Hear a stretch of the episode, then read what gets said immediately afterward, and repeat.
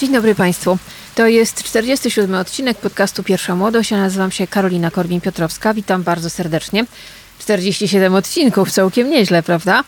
I całkiem nieźle, bo już niedługo będzie pierwsza rocznica mojej obecności na Patronite, a to dzięki Patronite powstaje ten podcast i dzięki Patronite e, nie ma tutaj żadnych reklam i mało tego, nie będzie także żadnych reklam w następnym podcaście, który już niedługo, 6 listopada będzie miał swoją premierę, a ten podcast nosi nazwę Miesiączka. To będzie comiesięczny magazyn bez reklam. Mm, myślę, że bardzo Wam się spodoba. On powstaje zarówno jak i miesiączka dzięki Patronite. Przypomnę, że patroni z Patronite od progu 25 e, mają co tydzień w swoich skrzynkach newsletter. To samo będzie z miesiączką, która, jak już powiedziałam, rusza 6 listopada. E, jeszcze muszę Wam przypomnieć, albo bardzo chcę Wam przypomnieć, że premiera podcastu Pierwsza Młodość jest w każdy piątek o godzinie 18 na Spotify, na Apple Podcast, na Google Podcast i na moim YouTube. Zachęcam do subskrybowania i do podawania dalej. Ja robię podcasty dla dorosłych, do nikogo się nie przymilam, w związku z tym im bardziej będziecie podawali dalej te podcasty, będzie mi milej, no bo słuchajcie, algorytmy mnie nie za bardzo kochają. No ale cóż, płakać nie będę. No i co? Zaczynamy. Dzisiaj będzie. Wszystko się zaczęło od tego, że pewnego dnia usiadłam przed Netflixem, a byłam wtedy jeszcze chora. I tak sobie włączyłam jeden film, tak zwany dokument. I pomyślałam sobie, matko jedyna. I wszystko mi opadło. No ale dzień później obejrzałam zupełnie inny dokument i pomyślałam sobie, dobra, to jest opowieść o tym, to jest inspiracja do opowieści o tym, jak można opowiedzieć dobrze i jak można opowiedzieć źle czyjeś życie. Zacznijmy od no, bardzo gorącej rzeczy. To jest absolutny top Netflixa teraz. I z jednej strony się dziwię, ale z drugiej strony się nie dziwię, no bo to jest dalsza część medialnego serialu i takiej telenoweli, którą oglądamy już od bardzo wielu lat, dokładnie od lat 90., kiedy to w filmie Ciemna strona Wenus cała Polska zobaczyła Annę Przybylską. Posłuchajmy, to jest fragment zwiastunu e, filmu o Annie Przybylskiej, który możemy oglądać na Netflixie. Voila! Ja naprawdę zaczynam cieszyć się każdą chwilą i doceniam każdą minutę spędzoną na tym Westpadole. Patrzę na morze, szeroki kadr Przewietrza głowę mi Nazywam się Anna Przybylska. Modelką zostałam z przypadku. A to, co chcę robić w przyszłości, to ma pewne powiązania e, z tym zawodem. Po człowieku zostaje tyle, co zostaje nam w pamięci.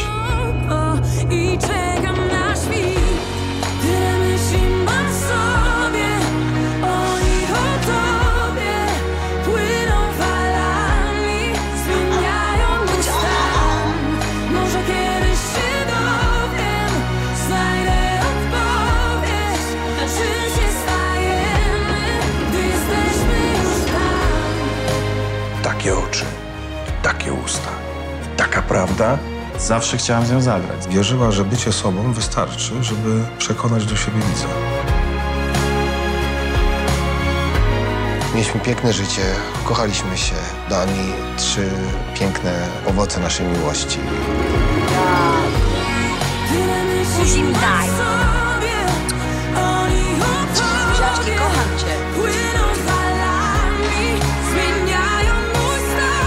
Że ona tak strasznie kochała życie. Ona jest cały czas. Nie ma dnia, żebym o niej nie myślał. Mama się z mną żegnała. Powiedziała, że... że ona, od, że ona odchodzi. Opisywane to jest jako historia Anny Przybylskiej, odważnej, kochającej życie i spełniającej marzenia dziewczyny z Gdyni. Tak zaczyna się opis tego filmu. Film trwa niewiele ponad godzinę i ja w już 15 minutach, po 15 minutach wiedziałam, że to nie wyjdzie. Znaczy, nie dlatego, że się wymądrzam, tylko po prostu są pewne zasady opowiadania o ludziach, nawet w rozrywkowym formacie, tak zwanym dokumentalnym, ale to nie ma nic wspólnego z dokumentem. Tym bardziej, że mm, przypomnę Państwu, że na rynku mamy książkę autorstwa Grzegorza Kubickiego i Macieja Drzewickiego pod tytułem Ania. No i to jest książka, która naprawdę przede wszystkim wykonała totalną robotę dokumentacyjną. Tam jest cała masa zdjęć, masa faktów, masa kontekstów, bez których opowiadanie o Przybylskiej i w ogóle o jej karierze jest niemożliwe. Możliwe. Co nam daje film Ania, który możemy oglądać na Netflixie i który jest odwrotnością tej bardzo dobrej książki, o której przed chwileczką Wam mówiłam. Link do niej dostaną patroni. To jest naprawdę, jeżeli lubiliście Anię Przybylską, lubicie ją dalej, to to jest absolutny must have. I to jest e, naprawdę świetna opowieść o żywej postaci, o żywej postaci, która ma energię, która ma charakter i która funkcjonuje w takich, a nie innych czasach.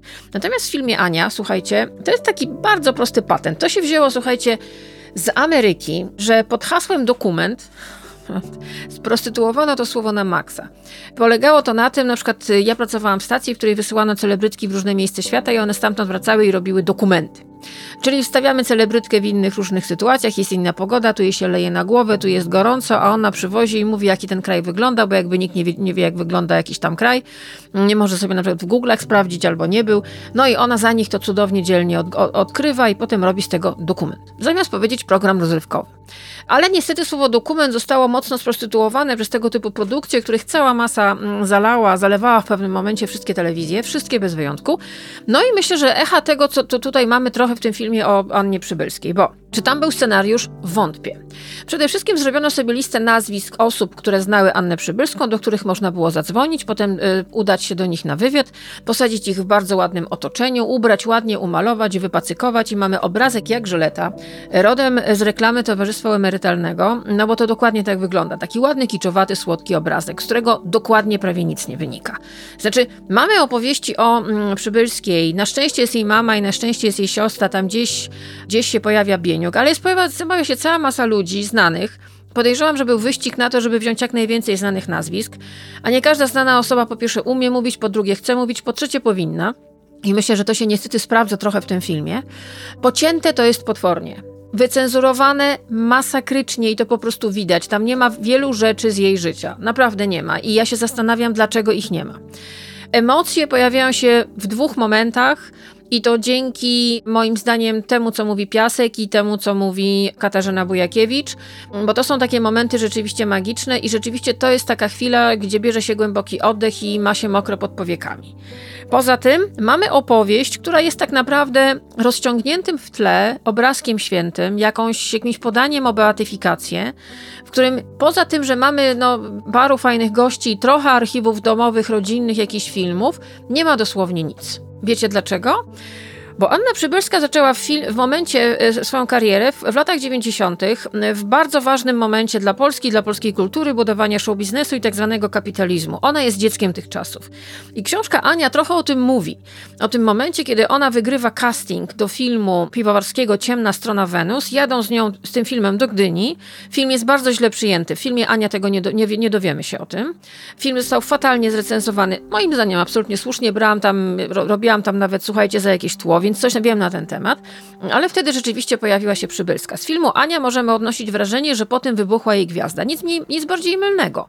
Film miał złe recenzje, ona potem wystąp zaczęła występować w serialu Złotopolscy i wpisała się w, taką, w taki nurt, taki trend, który wtedy był bardzo popularny. Mianowicie zaczęto brać głównie do telewizji do kina rzadziej, ale młode wilki temu zaprzeczyły. Amatorów, ludzi bez szkoły aktorskiej.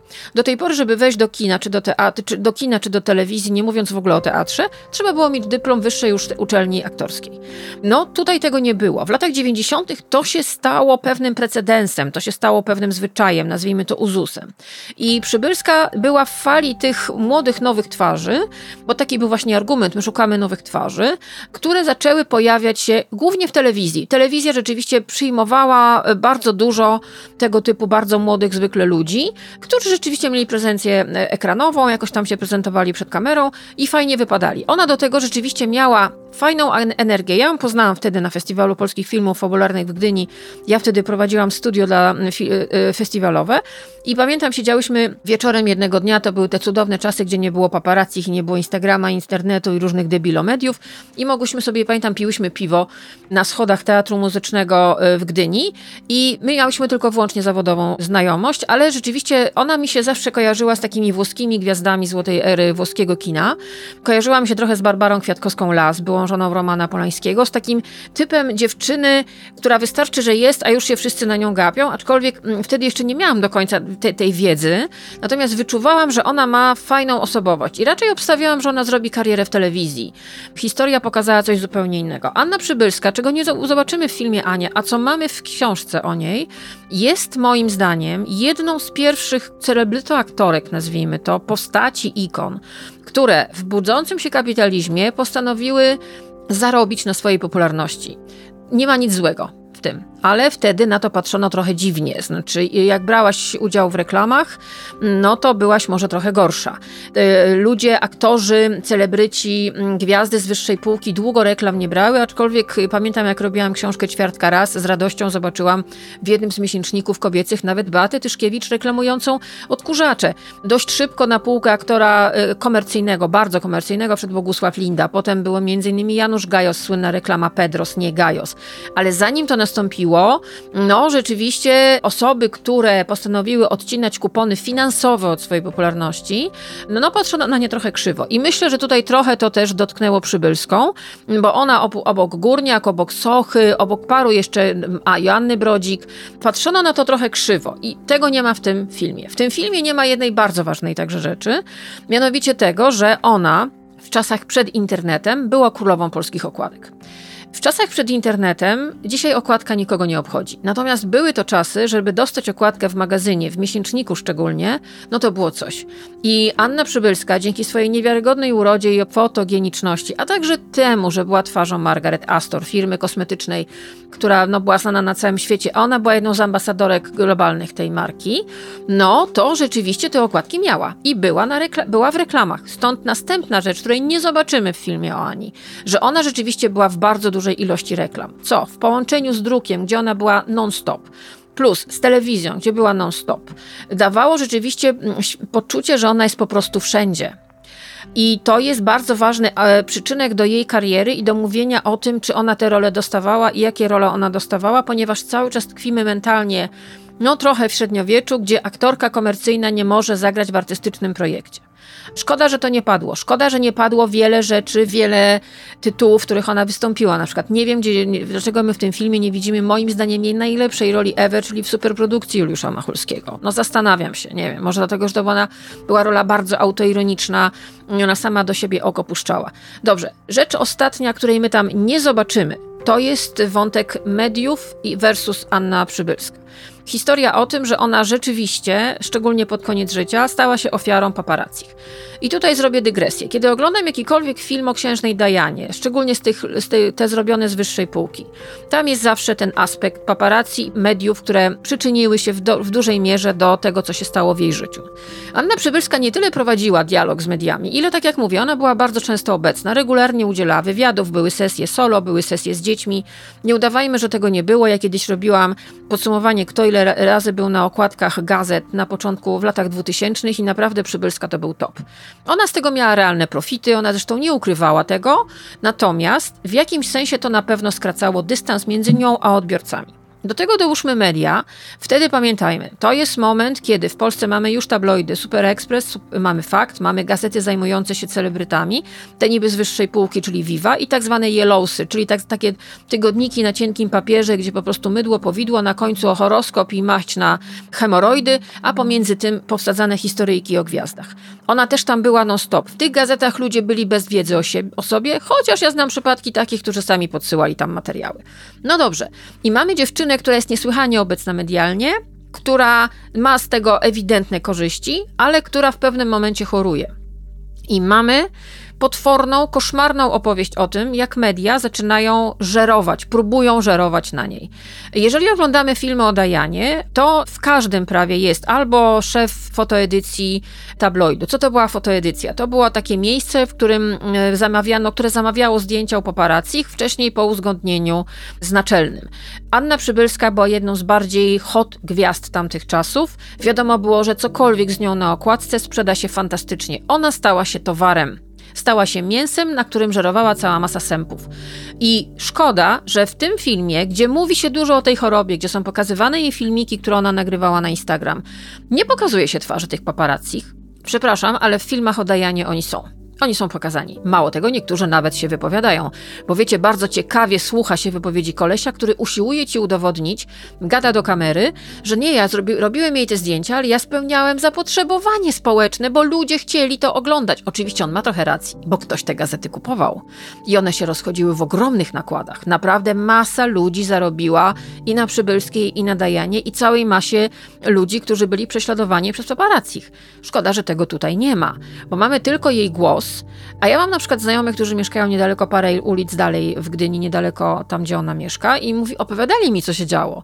Jak paparazzi spali w samochodach, jak wynajęli jedno albo nawet dwa mieszkania dookoła jej domu, żeby mie- mieć ją cały czas na oku, jak naprawdę wystawali pod jej domem.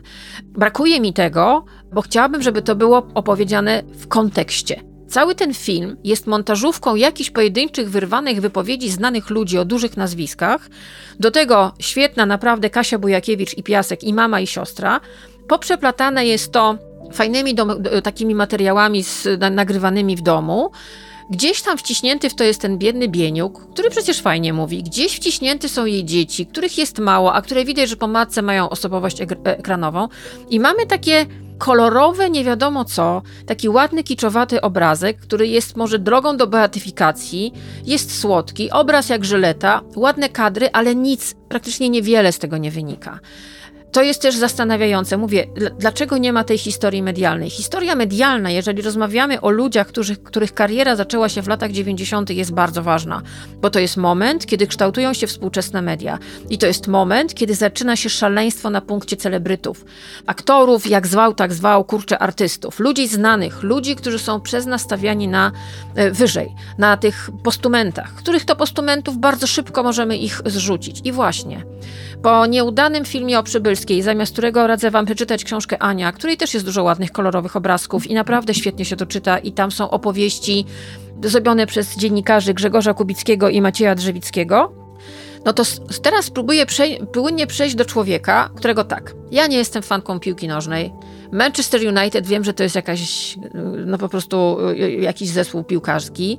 Natomiast wiedziałam, kim jest David Beckham, ponieważ słuchałam Spice Girls i pamiętam, lubiłam Victorię Beckham, ponieważ ona ma to samo co ja, ale o tym za chwilę. Oto fragment zwiastunu czteroczęściowego dokumentu na Netflixie, który nosi tytuł Beckham. I to jest coś takiego, że jeżeli myślicie, że usiądziecie, a sobie rzucę okiem na 15 minut, 4 godziny mijają wam. O tak. I never really did well at school because All I ever wanted to do was play football. My manager kept saying, try and keep it under wraps. So we would meet in car parks, and that's not as seedy as it sounds. Classy. I suppose that most blokes have looked at the television and said, like, uh, don't fucking end up with them. my life had become something different. We were worried that he'd lose all what he'd worked for because football come first and all of a sudden it wasn't. Okay, David. Big smile. It definitely didn't change me. Well, We changed. There's no doubt about that. It's a red card for David Beckham. I don't think I've ever talked about it just because I can't. I wasn't eating. I wasn't sleeping. It took a toll on me that I never even knew myself. Ferguson admitted he had kicked the boot, accidentally striking Beckham. And then I've gone like that. And then I've gone like that. You went at him. Yeah. It's really entertaining when the circus comes to town, right? Unless you're in it. It's alright, Buster. They can't get in the car. We were drowned. But he just kept going. I don't give up easy. It's Beckham. He's done it now. I don't give up. I felt very vulnerable and alone. Be honest. I, I am being honest. Who are you gonna kick it like? If I told him how good he was, then he's got nothing to work at. I remember saying to Bex, thank fuck you're on our team. What do you do afterwards? Sink or swim? There was something inside him, that determination.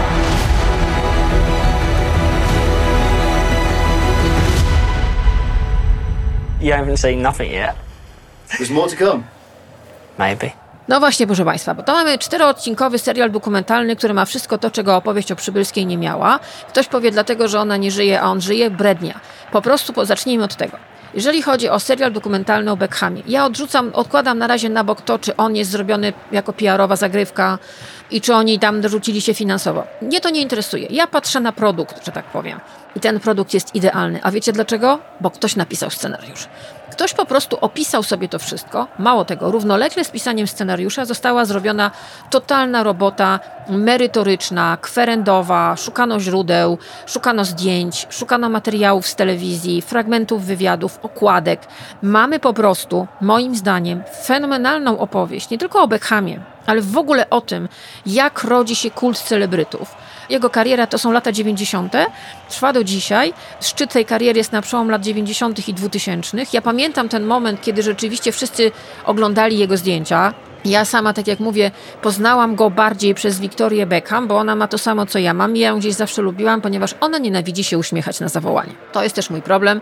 Ja zawsze, jak widzę swoje zdjęcie, to wiem, kiedy uśmiechałam się szczerze, a kiedy na zawołanie, bo jak uśmiecham się na zawołanie, to wyglądam jak patentowana kretynka po prostu. No, patrzę na to i myślę, Boże, Korwin, naprawdę, chyba cię mam ochotę przytulić, bo patrzę na tą ściankę i ty jesteś tam totalnie skołowana.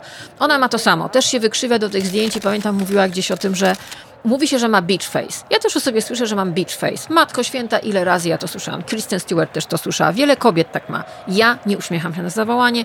Victoria Beckham nie uśmiecha się na zawołanie. W związku z tym miała opinię zimnej, burej suki. No i ta zimna Borasuka zakochała się w Beckhamie. Tam jest w ogóle fajny początek tej miłości i tego, jak menadżer sugerował, żeby nie ujawniali tego romansu. W związku z tym oni się spotykali na parkingach. No w ogóle jaja.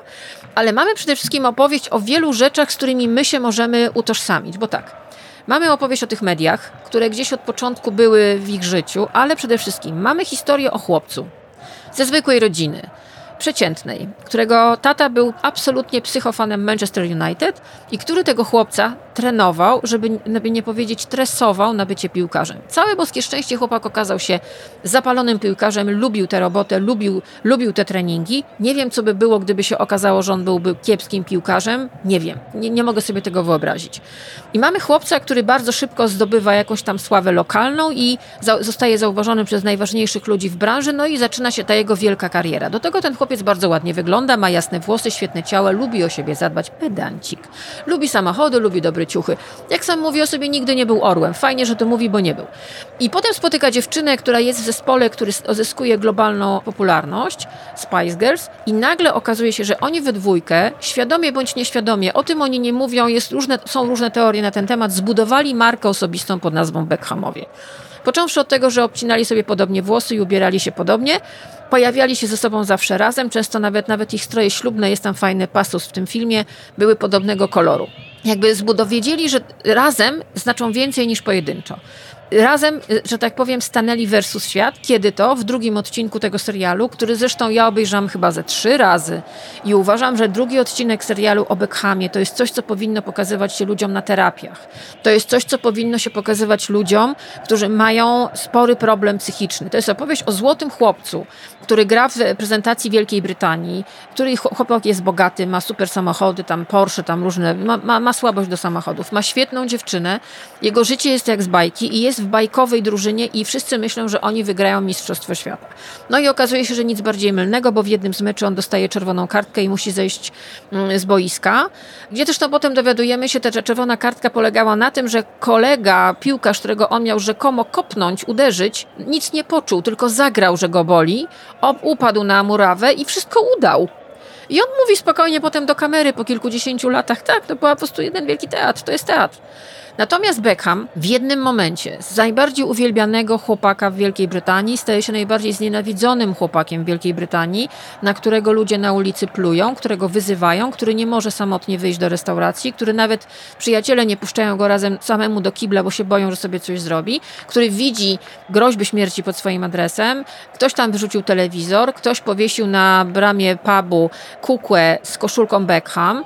I to jest moment, który tak naprawdę jest opowieścią o tym, jak to znaczy znaczy nie spełnić pokładanych w tobie oczekiwań.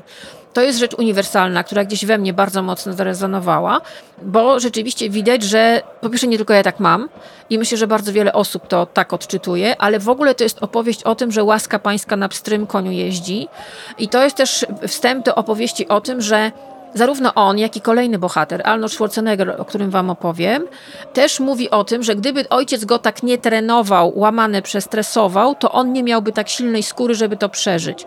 Ja dobrze wiem, że to polega na tym, że dziecko, które było tresowane przez rodziców, wymyśla sobie taki rodzaj usprawiedliwienia dla swoich rodziców, więc możemy się tylko domyślać, jak naprawdę było w domu u Beckhama. On sobie podejrzewam, że swoim ojcem wszystko już przegadał, bo jest dorosłym facetem. Natomiast nawet sobie tak to usprawiedliwił, że dzięki temu, że ojciec tak go tresował, że on nie miał czasu na nic i tylko grał w tę piłkę, to on potem miał siłę z tego wybrnąć. No polemizowałabym.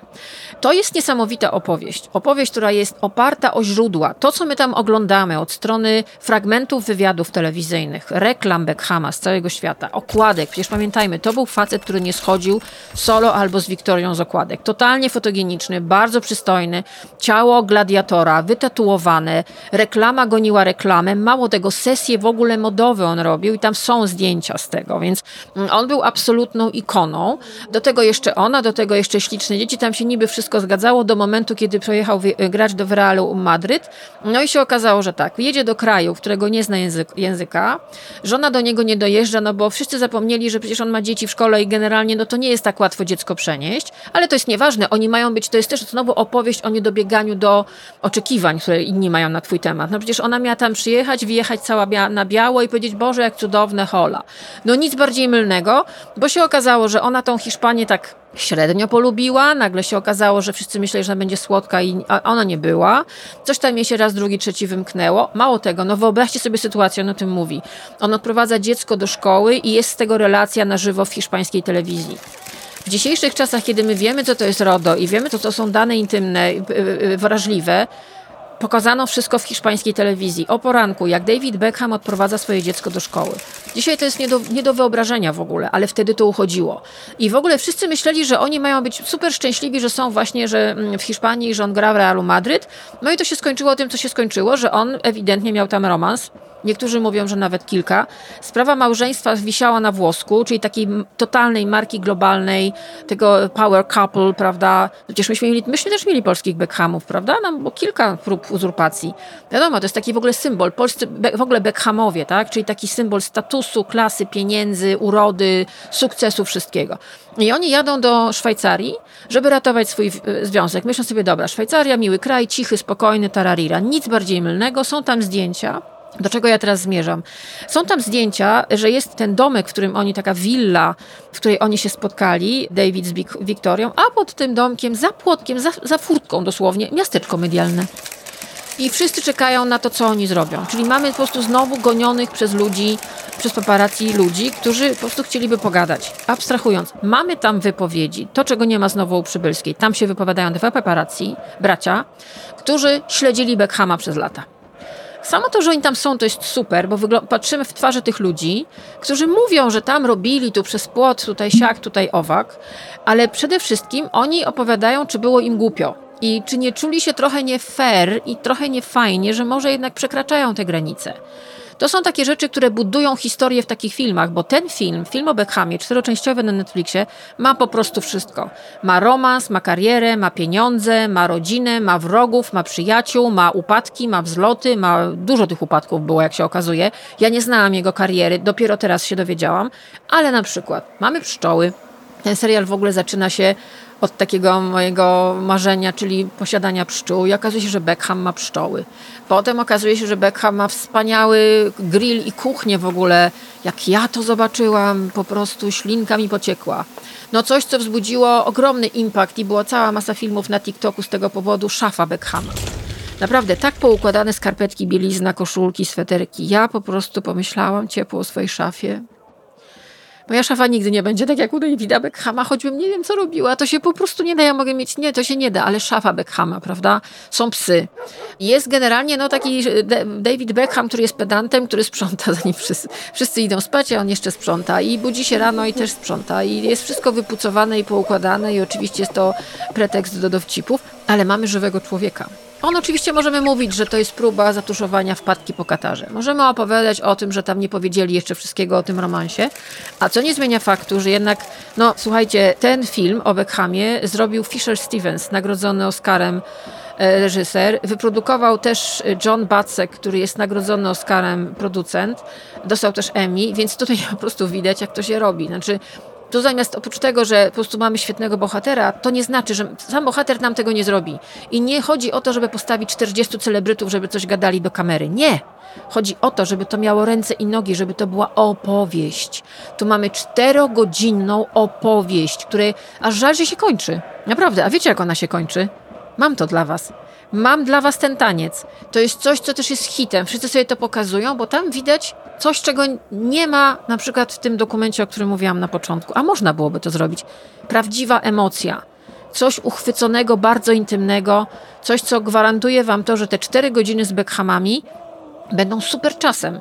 Nie mówię, że ja go pokochałam po tym serialu, nie, ale ten drugi odcinek jest dla mnie z bardzo wielu powodów bardzo ważny. I myślę, że wiele osób może potraktować wręcz terapeutycznie ten serial. Mało tego, to też jest opowieść historyczna, bo ktoś tutaj zadbał o źródła. Ktoś zadbał o to, żeby pokazać magiczne słowo, kontekst, w jakim ta historia, ten człowiek funkcjonuje. Zresztą co ja wam będę gadać. Victoria i David, posłuchajcie. And one of the things is which is which is the most important thing to me is what we've what we've got. Make me love. Islands in the stream. That is what we are. No one in between. How can we be wrong? Sail away with me. Why I feel happy now is I feel really content now. And I think I get that sense that you feel content now. You know, when we were younger, you're constantly chasing, and there's an element of you're passing the baton on a little, and you want that for your kids, wouldn't you say? Yeah, I'm not ready to pass the baton on yet. No i tak płynnie przechodzimy do kolejnej ikony, proszę Państwa. Czyli, proszę Państwa, ktoś, kogo kocham prawie od dziecka. Kocham, znaczy zawsze mi imponował. Wiecie, wielki facet. Ja się prawie wychowałam bez taty, więc jak mam na ekranie wielkiego Arnolda Schwarzeneggera, który po prostu rozwala wszystkich w imię dobra, no to ja kocham tego kolesia. No to są wszystkie pragnienia małej dziewczynki, ale nie tylko. Małych chłopców też, jak się okazuje, z tego serialu. No bo jest też trzyczęściowy na Netflixie serial Arnold. I to jest też opowieść o tym, jak zrobić fantastyczną opowieść o kolesiu, którego ego jest wielkości tego miasta, z którego ja do, do was nadaję, a nadaję z Warszawy, ale to nas nie przeraża, nie odrzuca. Możemy się uśmiechnąć, nawet coś wyciągnąć z tej historii. Uwaga, Arnold. I sold myself on that stage. Ladies and gentlemen, Arnold Schwarzenegger. Thousands of people screaming, Arnold, Arnold, Arnold. And when you visualize something very clearly, you believe that you 100% can get there. Co mamy w tym serialu? To są trzy części, które nam opowiadają jego życie od momentu narodzin w Austrii do tego, w jakim punkcie życia jest teraz, mieszka w Stanach Zjednoczonych. Mamy opowieść o sportowcu, mamy opowieść o aktorze i mamy opowieść o polityku. We wszystkich tych dziedzinach on y, wytyczał zupełnie nowe ścieżki. No bo rzeczywiście chłopak, który był dość szczupły i drobny, ale uwielbiał patrzeć na kulturystów, a to wtedy było takie zajęcie, takie creepy trochę, ale się okazało, że się zaczął, zaczął trenować, zaczął osiągać pierwsze sukcesy. W pewnym momencie Europa stała się za, dla niego za mała. No i wyjechał do Stanów Zjednoczonych. I to jest taka historia trochę od pucybuta do bohatera. I w Stanach Zjednoczonych ze średnim, delikatnie rzecz ujmując, angielskim zaczął po prostu robić karierę i też wytyczać cały czas nowe ścieżki. Opowieść o tym, że warto pierwsze zarobione pieniądze nie wydać na samochód, tak jak Beckham, tylko na przykład zacząć je inwestować. To jest, on mi tutaj zaimponował tym, bo ja nawet nie wiedziałam, ile on się uczył po drodze, ile on się dokształcał po drodze, jak on bardzo dbał o to, żeby mieć właśnie władzę nad swoimi pieniędzmi, nad ma majątkiem i potem nad wizerunkiem.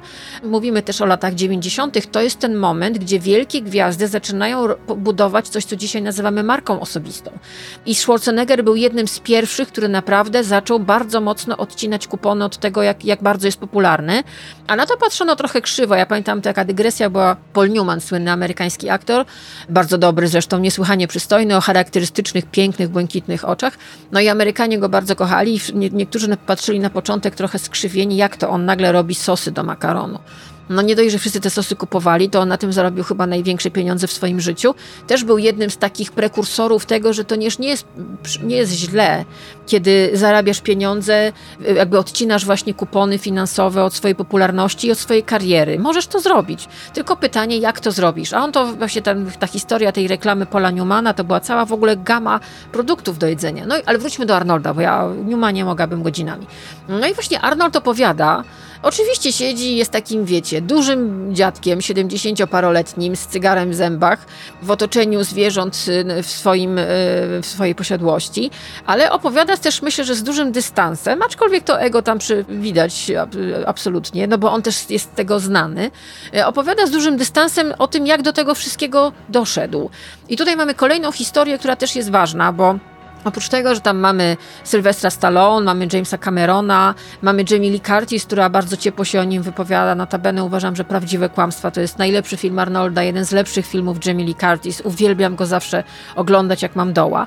To tam jest znowu kolejna opowieść o ojcu. Tylko, że tutaj Arnold się nie patyczkuje, nie jest tak grzeczny jak Beckham i opowiada historię o swoim ojcu, po, życiu w powojennej Austrii. Ojciec był nazistą. Ojciec strasznie lał swoje dzieci, swoich synów i który jakby no hartował tę stal.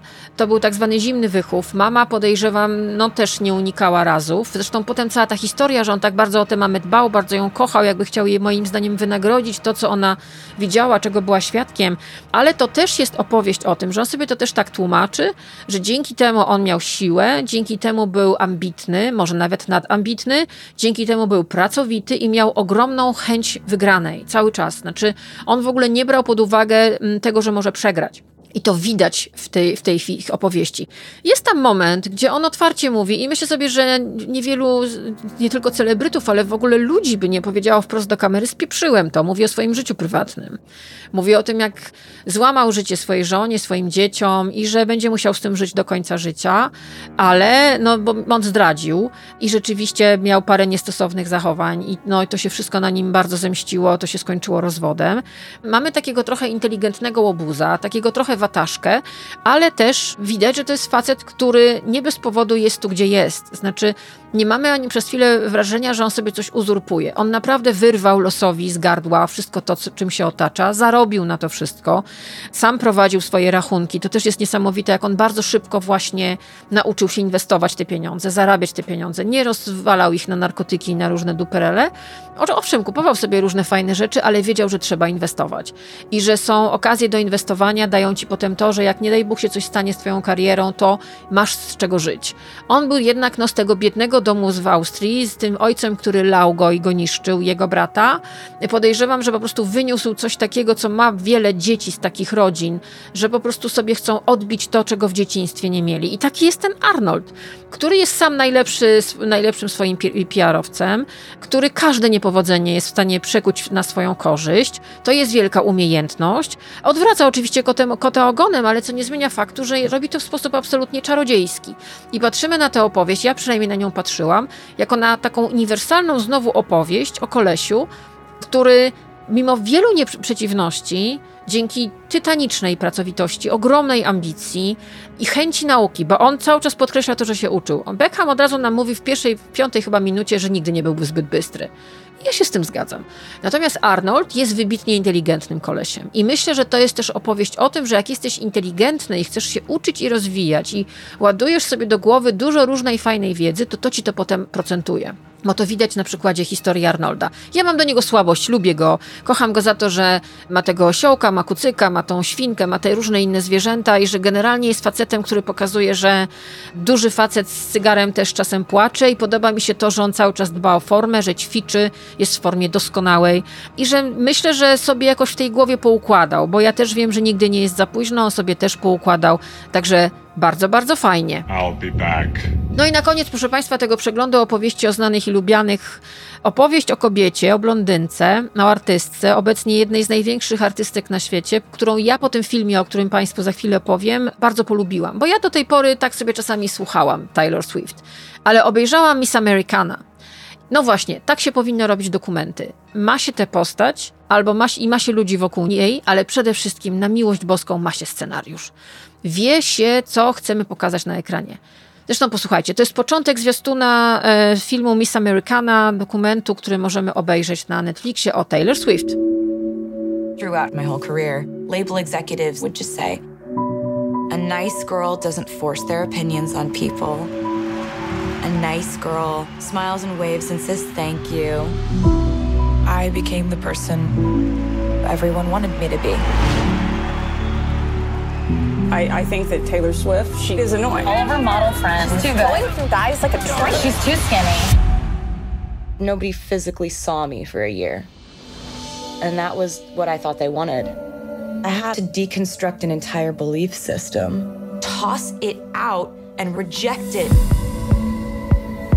American glory faded before me. It woke me up from constantly feeling like I was fighting for people's respect. I saw the scoreboard and ran for my life. It was happiness without anyone else's input.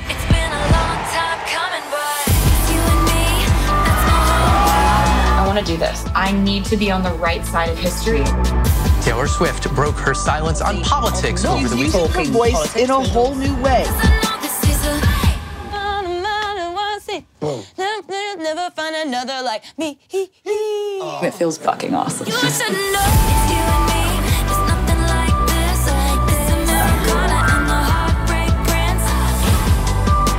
I feel really good about not feeling muzzled anymore, and it was my own doing.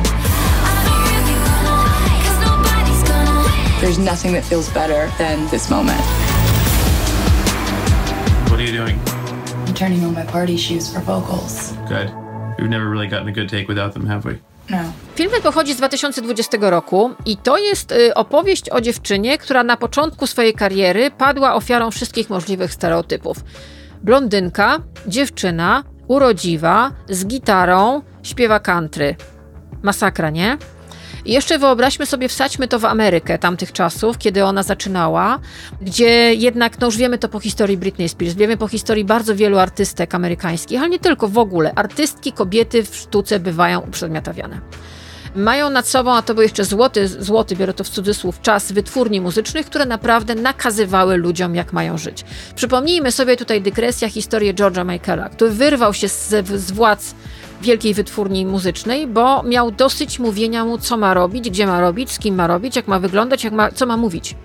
Są ludzie, którzy tego nie dają, nie, nie, nie są w stanie wytrzymać. Niektórzy wchodzą w ten układ i dają radę, czasami lądują na odwyku, a czasami w miłym domu starców. Ale są tacy, którzy w pewnym momencie mówią: Nie dam rady. Ja to wiem po sobie.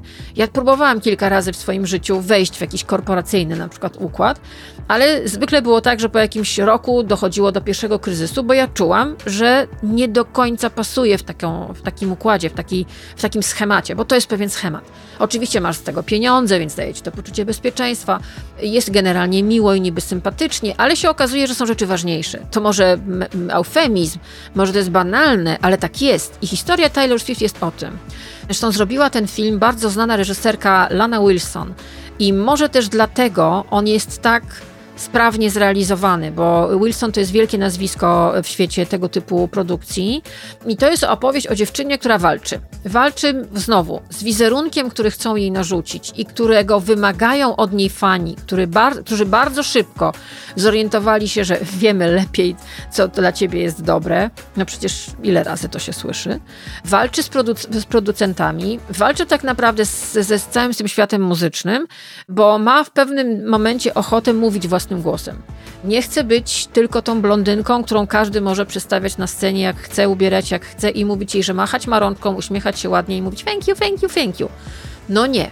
Ma też w pewnym momencie ochotę powiedzieć o tym, co ją spotkało, bo mamy dziewczynę, która otwarcie do y, kamery mówi o zaburzeniach odżywiania, mówi o problemach z samooceną, mówi o tym, jak dotykał ją potworny hejt internetowy, mówi o tym, jak y, dotykała ją strata bliskich osób. Mówi o tym, y, jak w ogóle uczyła się funkcjonować w świecie, w którym nie czuła się zbyt dobrze, aczkolwiek wszystko wskazywało na to, że jest do niego stworzona. Ale to jest opowieść o dziewczynie, która jak zam- kończyły się koncerty, wywiady i cała ta PR-owa historia, siadała w swoim domu i zastanawiała się, kim ja jestem i nie mam do kogo zadzwonić i generalnie to chyba siebie nie lubię, a dorastanie w świetle reflektorów, bo ona zaczęła karierę bardzo wcześnie, nie jest najlepszą rzeczą, jaką można zafundować dziecku, ponieważ niestety pracujesz na innych, a nie na siebie. Nie masz jeszcze świadomości, jesteś jak plastelina w rękach innych ludzi i w pewnym momencie budzisz się i okazuje się, że to, co widzisz w lustrze, w ogóle nie jest kompatybilne z tym, kim jesteś, kim chciałabyś być, chciałbyś być. I to jest o tym. Niesamowita jest ta opowieść. Ją się ogląda z narastającym poczuciem współodczuwania z tą dziewczyną. Przynajmniej ja tak miałam.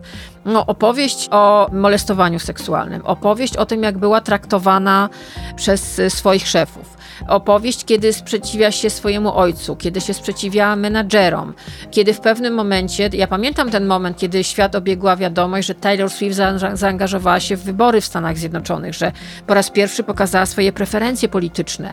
Ona teraz otwarcie staje za kobietami, uważana jest za feministkę wręcz, ale to jest opowieść o tym właśnie, jak długo, jak dużo czasu jej to zajęło i to jest historia o tym, że to się nie dzieje z dnia na dzień, że my czasami wymagamy od ludzi znanych natychmiast, natychmiast, już teraz, ja ciebie znam, ja wiem lepiej od ciebie, więc masz już tu, teraz, w tym momencie zrobić to, co ja chcę. Otóż nie.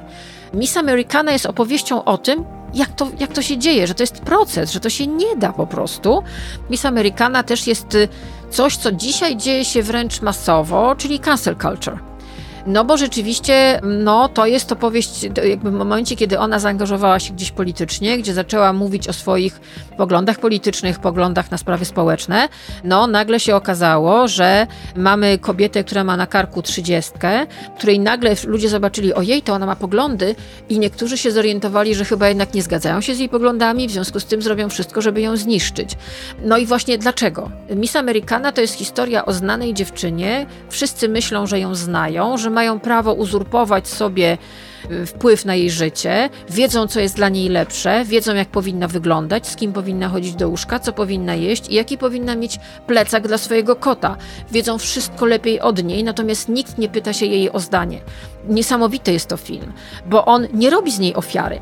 Właśnie fantastyczne w filmie Miss Americana jest to, że z minuty na minutę coraz bardziej ją rozumiemy i czekamy, kiedy ona wybuchnie. I kiedy ona wybucha, to to jest absolutnie naturalne. Ja to totalnie zrozumiałam. Mało tego, mogę powiedzieć, że ja się stałam fanką Taylor Swift po tym filmie.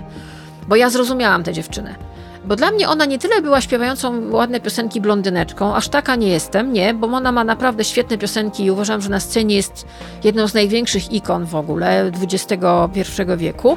Ale wiecie, miałam tą czapę medialną narzuconą mi, że jest w związku z jej osobą. No, słynna historia z Grammy, z Kanye Westem, który na oczach wszystkich ją wyśmiał. Wyobraźcie sobie, odbierasz nagrodę, bardzo ważną w twoim życiu i nagle na scenę wchodzi jakiś koleś, nikt cię nie broni, on mówi o tobie straszne rzeczy, potem śpiewa o tobie piosenkę na miłość boską, po prostu dopuszczano się wobec niej publicznie, na oczach milionów ludzi, totalnej przemocy emocjonalnej. I ona to musiała znosić, ona musiała się uśmiechać musiała machać rączką i mówić thank you. Okazuje się, że w pewnym momencie to się jej przelało i uznała, że po prostu koniec.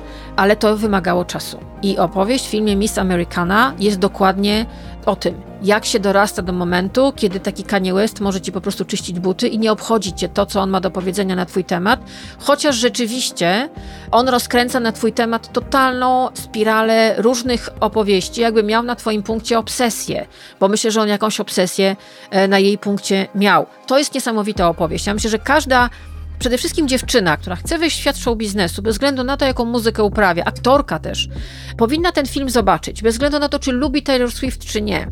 Bo to jest uniwersalna opowieść o tym, jak się traktuje w show biznesie dziewczyny, kobiety. Mam nadzieję, że to się powoli zacznie zmieniać, ale wiecie, ja nie wierzę w bajki, wyrosłam, za stara jestem. Mam wrażenie, że to się będzie trochę, będzie trochę ewoluowało, będziemy robili trochę tam przykryjemy, że teraz już w ogóle kochamy dziewczyny i kobiety, teraz się kobiety w ogóle stały się towarem, prawda? Kobiety, kobiety, kobiety, wszędzie kobiety. Zobaczcie ten film, bo on wam przede wszystkim zrzuci z oczu zasłonę pod tytułem Och, świat się zmienia, już jest fantastycznie. Nie, bo pewne rzeczy są po prostu organiczne. Jak rywalizacja, jak, jak zazdrość, jak pragnienie linczu. Hashtag someone is over party nie wziął się z sufitu. O tym jest też w tym, w tym filmie. Dzisiaj Taylor Swift wyprzedaje koncerty. Ja nie zdobyłam biletu na jej koncert w Polsce, bardzo żałuję, może jeszcze jakoś mi się uda. I nic dziwnego, udało się. Ona się podniosła jak Feniks z popiołów. Tam jest opowieść o tym, co ona robiła rok, kiedy jej w ogóle nigdzie nie było, kiedy udało jej się odciąć od świata. Jak funkcjonowała, jak wracała do życia, jak wracała do pracy, jak wracała do nagrywania płyt. Niesamowita jest to opowieść. Bardzo dobry dokument, nosi tytuł Miss Americana. Oczywiście linki patroni wszyscy dostaną. A teraz posłuchajcie, bo znalazłam fragment nagrania, na którym to Taylor Swift odbiera drugie Grammy w swoim życiu. To jest niedługo po tym, jak Kanye West rozpętał spiralę nienawiści wobec niej. I rzeczywiście, no to, że ona stanęła na tej scenie, że odebrała tę nagrodę, zresztą po raz drugi w historii jako kobieta. Posłuchajcie, Taylor Swift odbiera Grammy i odnosi się do bez podawania nazwisk, ale do historii, która prawie zniszczyła jej karierę. And as the first woman to win Album of the Year at the Grammys twice, I want to say to all the young women out there there are going to be people along the way who will try to undercut your success or take credit for your accomplishments or your fame. But if you just focus on the work and you don't let those people sidetrack you, someday when you get where you're going, you'll look around and you will know that it was you and the people who love you who put you there. And that will be the greatest feeling in the world. Thank you for this moment. No i to tyle, proszę Państwa. Więc tak, na Netflixie mamy opowieść o Annie Przybylskiej, która jest po prostu niedobrym filmem, ale no jest w topce. Mam nadzieję, że ktoś kiedyś zrobi lepszy film, który będzie szerszą opowieścią, tak jak o Beckhamie, jak o Schwarzeneggerze, jak o Taylor Swift, o żywej postaci, która jest w jakimś bardzo ważnym kontekście historycznym, społecznym, emocjonalnym, medialnym, ponieważ pamiętajmy, tych znanych ludzi, o których dokumenty oglądamy, nie byłoby, gdyby nie media. Opowiadanie o nich bez mediów jest brednią. Jest kłamstwem, od razu jest zafałszowaniem. Nie da się, ponieważ oni wzrastali przez te media i dzięki tym mediom bardzo często wchodzili w różne układy z tymi mediami, a potem te media, tak jak w przypadku Przybylskiej, no, przyczyniały się do ich złego samopoczucia i do tego, że czuli się odrzuceni, niekochani, znienawidzeni prawie przez wszystkich. Nie ma tych opowieści, nie ma takiej biografii bez aspektu medialnego. I to musi mieć zawsze scenariusz. To musi być historia. Historia, którą jak usiada, siadzisz przed telewizorem, czy komputerem, czy przed telefonem, zamierasz. Tak jak ja zamarłam na 4 godziny przed Beckhamem i po prostu siedziałam i zbierałam szczękę z podłogi. Da się zrobić opowieść dla kogoś, kto nie jest fanem piłki, dla kogoś, kto nie jest fanem kina akcji jak u Arnolda, dla kogoś, kto nie jest fanem Taylor Swift. Ponieważ to są opowieści o ludziach, z którymi inni mogą się utożsamić. Ja nie utożsamię się z paradą celebrytów opowiadających coś setkowo do kamery na tle pięknego jak żyleta obrazka. Nie utożsamię się. Jedyne, co tam jest w tym filmie, to to są bardzo fajne fragmenty tych domowych wideo. To było to zmontować i po prostu z tego zrobić film.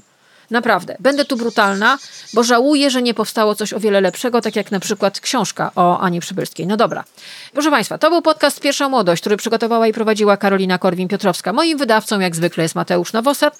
Premiera podcastu Pierwsza Młodość jest zawsze w piątki o godzinie 18. Patroni od progu pa- 25 dostają co tydzień newsletter. On jest na bazie tego, co jest w odcinku, ale jest tam też cała masa bonusów. Z tego, co wiem, te bonusy bardzo Wam się podobają, bo ja znajduję różne smaczki. Dostaniecie też dodatkowe linki do różnych y, rzeczy związanych z bohaterami tego odcinka, bo zawsze tak jest. Plus są oczywiście jakieś bonusy, przeróżne historie. Przypominam także, że 6 listopada rusza drugi mój podcast, Miesiączka. Jak sama nazwa wskazuje, będzie odbywał się, będziemy go słuchali co miesiąc. Premiera Miesiączki, pierwszego odcinka, odbędzie się 6 listopada. Jeszcze nie wiemy o której godzinie, ale jeszcze się zastanowię. Ale to będzie bardzo ciekawa rzecz i to będzie coś takiego, jakby wam to powiedzieć, Pewnego dnia poszłam do kiosku, mam tu niedaleko domu i kupiłam wszystkie miesięczniki kobiece. Wydałam na to bardzo dużo pieniędzy i potem miałam sobie za złe, bo tak jakbym do śmietnika wyrzuciła. Niestety. Większość z tych gazet to są foldery reklamowe. Pomiędzy to powsadzane są jakieś teksty dziennikarskie. A mało tego, jeszcze ma cała masa kryptoreklam, tekstów sponsorowanych. No, hit goni hit. I pomyślałam sobie, że nie chcę robić czegoś, co byłoby reklamowym słupem, tylko dlatego, żeby pomiędzy w to wsadzić jakieś fajne treści. Postaram się zrobić coś, co będzie fajną treścią, bez reklam. Magazyn Pierwsza Młodość, jak i magazyn Miesiączka to są magazyny bez reklam. I dzięki temu, że mam Patronite, jestem w stanie robić to i mało tego, opłacać ludzi, którzy przy nich pracują. Ponieważ u mnie nikt nie pracuje za darmo. Ja nie jestem twórcą internetowym, który nagle będzie mówił, nie, no bo jestem taka tutaj, zrób dla mnie za darmo, ja ci dam zasięgi. Nie, bo to jest wyrobnictwo, to jest niewolnictwo. Ja jestem przeciwna niewolnictwu. U mnie każdy, kto coś zrobi do podcastu, zarabia na tym, dostaje na to za to pieniądze. Bo tak uważam, jest uczciwie. Dlatego Patronite jest ważny. Zachęcam Was do wspierania mnie na Patronite. Link jest w bio mojego profilu na Instagramie, także jest na YouTubie. Wystarczy zresztą wpisać w wyszukiwarkę Patronite'a moje nazwisko i tam jest. Można też wspierać moje podcasty jednorazowo przez Supi. Regularnie link jest albo w stories mojego Instagrama, Karolina KP, jest też w bio mojego Instagrama. Zachęcam, bo to, to jest jednorazowa pomoc, jakieś wsparcie, a ktoś nie zawsze ma ochotę, żeby mu co miesiąc ściągać jakieś pieniądze, woli zapłacić jednorazowo i to jest fajne. Mam nadzieję, że miesiączka będzie się Wam podobała, bo to będzie coś zupełnie innego niż pierwsza młodość. Myślę, że one się będą uzupełniały. Pierwsza młodość będzie moim takim bardzo subiektywnym, często emocjonalnym, jak dzisiaj, wystąpieniem. Natomiast miesiączka i tutaj daję trzy kropki. Myślę, że będzie się Wam to podobało. Także to był podcast Pierwsza Młodość.